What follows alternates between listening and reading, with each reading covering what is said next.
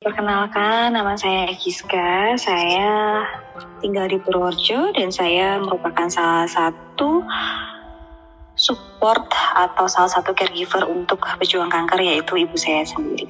Pasti berat karena kebetulan saya ini juga cuma dua bersaudara dan yang masih satu rumah sama orang tua itu saya. Sedangkan kalau misalkan kakak saya jauh di Bogor, jadi otomatis saya semacam single fighter sih buat support ibu, nganterin ibu ke mana-mana karena kebetulan bapak juga udah sepuh, udah mau 70 tahun dan ada penyakit komorbid jadi memang memang saya sengaja tidak melibatkan bapak dalam proses pengobatan ibu jadi ya anggap aja seperti single factor untuk menemani ibu selama ini. Kebetulan saya jadi dokter sebenarnya di rumah sakit oh. di daerah Kebumen. Jadi justru karena saya ini tenaga medis, masih dokter umum sih. Cuma jadi kan saya ketika itu diagnosa udah keluar, saya udah kebayang nih proses apa yang harus dihadapi sama ibu saya.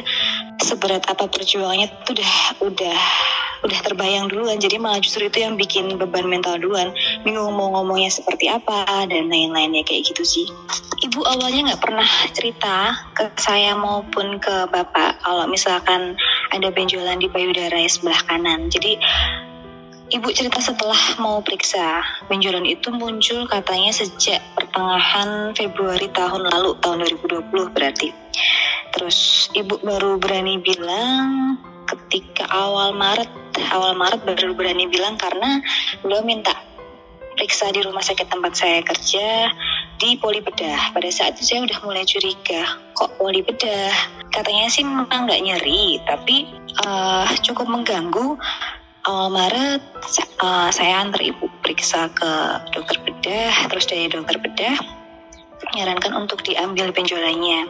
Kebetulan saya juga menemani ibu selama proses operasi di dalam ruang operasi. Saya nemenin ibu dari proses bius sampai benjolan itu diangkat. Jadi saya tahu persis benjolannya seperti apa. Dan pada saat benjolan itu diangkat, udah dibilang sama spesialis bedahnya, ini kayaknya ganas.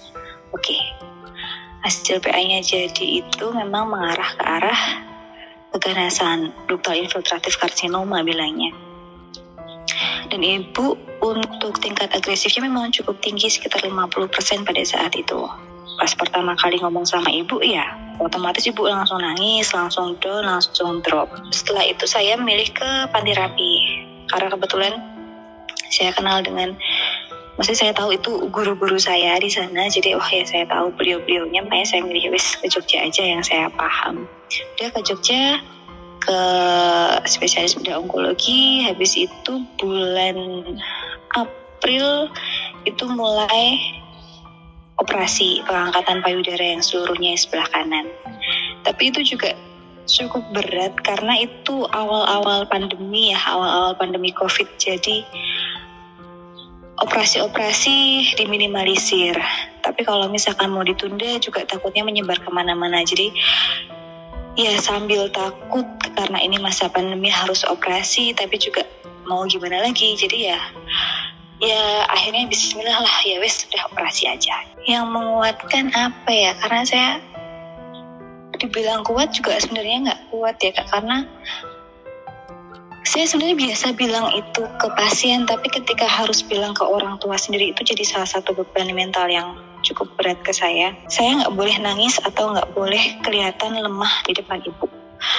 Entah di belakangnya mau kayak gimana saya nangis-nangis, pas nggak di rumah, tapi yang penting di depan ibu saya kelihatan oke-oke aja, saya kelihatan kuat. Karena ibu yang akan melewati ini semua, jadi kita harus tetap bisa jadi support yang baik buat ibu dari bulan Maret berarti ibu hampir operasi tiap setiap bulan sekali karena Maret itu diambil benjolannya aja menunggu hasil PA bulan April itu diangkat semuanya payudaranya terus dari hasil PA ulang di bulan April itu memang masih ganas. Kemudian dari dokter bedah onkologinya menyarankan ke dokter hemato-onkologi Kahom. Nah, dari beliaunya itu kan kemudian persiapan untuk kemoterapi nih kak. Persiapan buat kemoterapi tapi ternyata dicek semuanya dari jantung USG perutnya. Nah baru dari situ ketahuan kalau misalkan ada batu di saluran kencingnya yang sebelah kanan. Itu cukup besar. Dan itu jadi salah satu nggak bisa kemo kalau misalkan masih ada batunya. Padahal ibu selama ini nggak pernah ada keluhan. Jadi harus operasi lagi. Operasi lagi di bulan Mei. Nah itu fase-fase yang bikin ibu drop karena sebelum kemo aja udah harus operasi beberapa kali dan udah kayak semacam trauma sama ruang operasi harus masuk sampai 3-4 kalian selama sebelum kemo itu. Sejak tahu kanker sampai mau kemo itu ibu turun sampai hampir 9 kilo sih kak. Jadi mulai drastis turun berat badannya karena memang ibu stres dan nggak mau makan dan lain-lain gitu sih. Padahal itu belum mulai kemoterapi. Hmm. cancer pengobatannya jangka panjang ya kak dan itu cukup berat. Merasa down merasa stres merasa capek. Yang jadi beban mental untuk saya sebenarnya karena mungkin saya justru karena saya tenaga medis.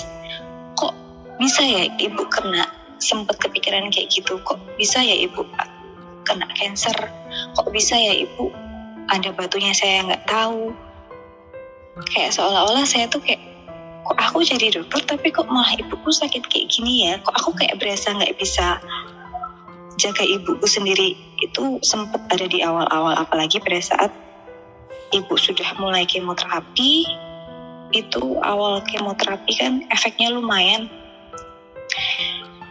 Lihat ibu seperti itu saya pulang kerja habis jaga ibu dari rumah udah lemes banget kayak bisa ngapa-ngapain tuh udah low pointnya saya banget kayak aku kok tenaga medis tapi kok aku nggak bisa ngurusin ibuku sendiri. Sempet sempet yang sering banget sempet kayak gitu. Jadi kayak justru itu jadi low pointnya saya sih. Tiap hari nangis nangis nangis nangis nangis dan nangis terus kerjaannya cuma kayak gitu.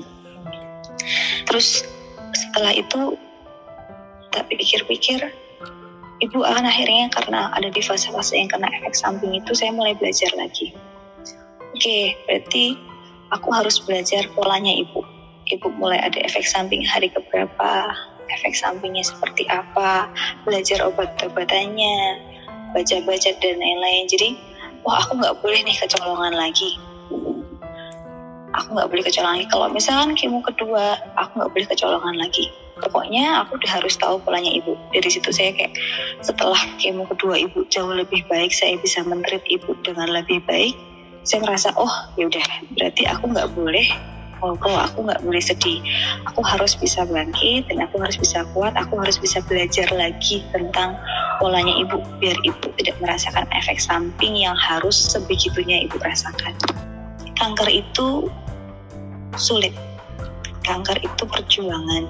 Jadi kita sebagai caregiver harus bisa lebih kuat dibandingkan orang yang kena kanker itu sendiri. Karena mereka jauh jauh jauh lebih menderita dibandingkan kita sebagai caregiver. Mau nggak mau kita harus bisa jauh lebih kuat daripada sebelumnya. Harus bisa jauh lebih sabar dibandingkan sebelumnya. Memahami keadaan mereka dan nanti insya Allah sih kalau misalkan setelah semua proses pengobatannya selesai kita akan jauh lebih bersyukur atas apa yang telah terjadi sama kita.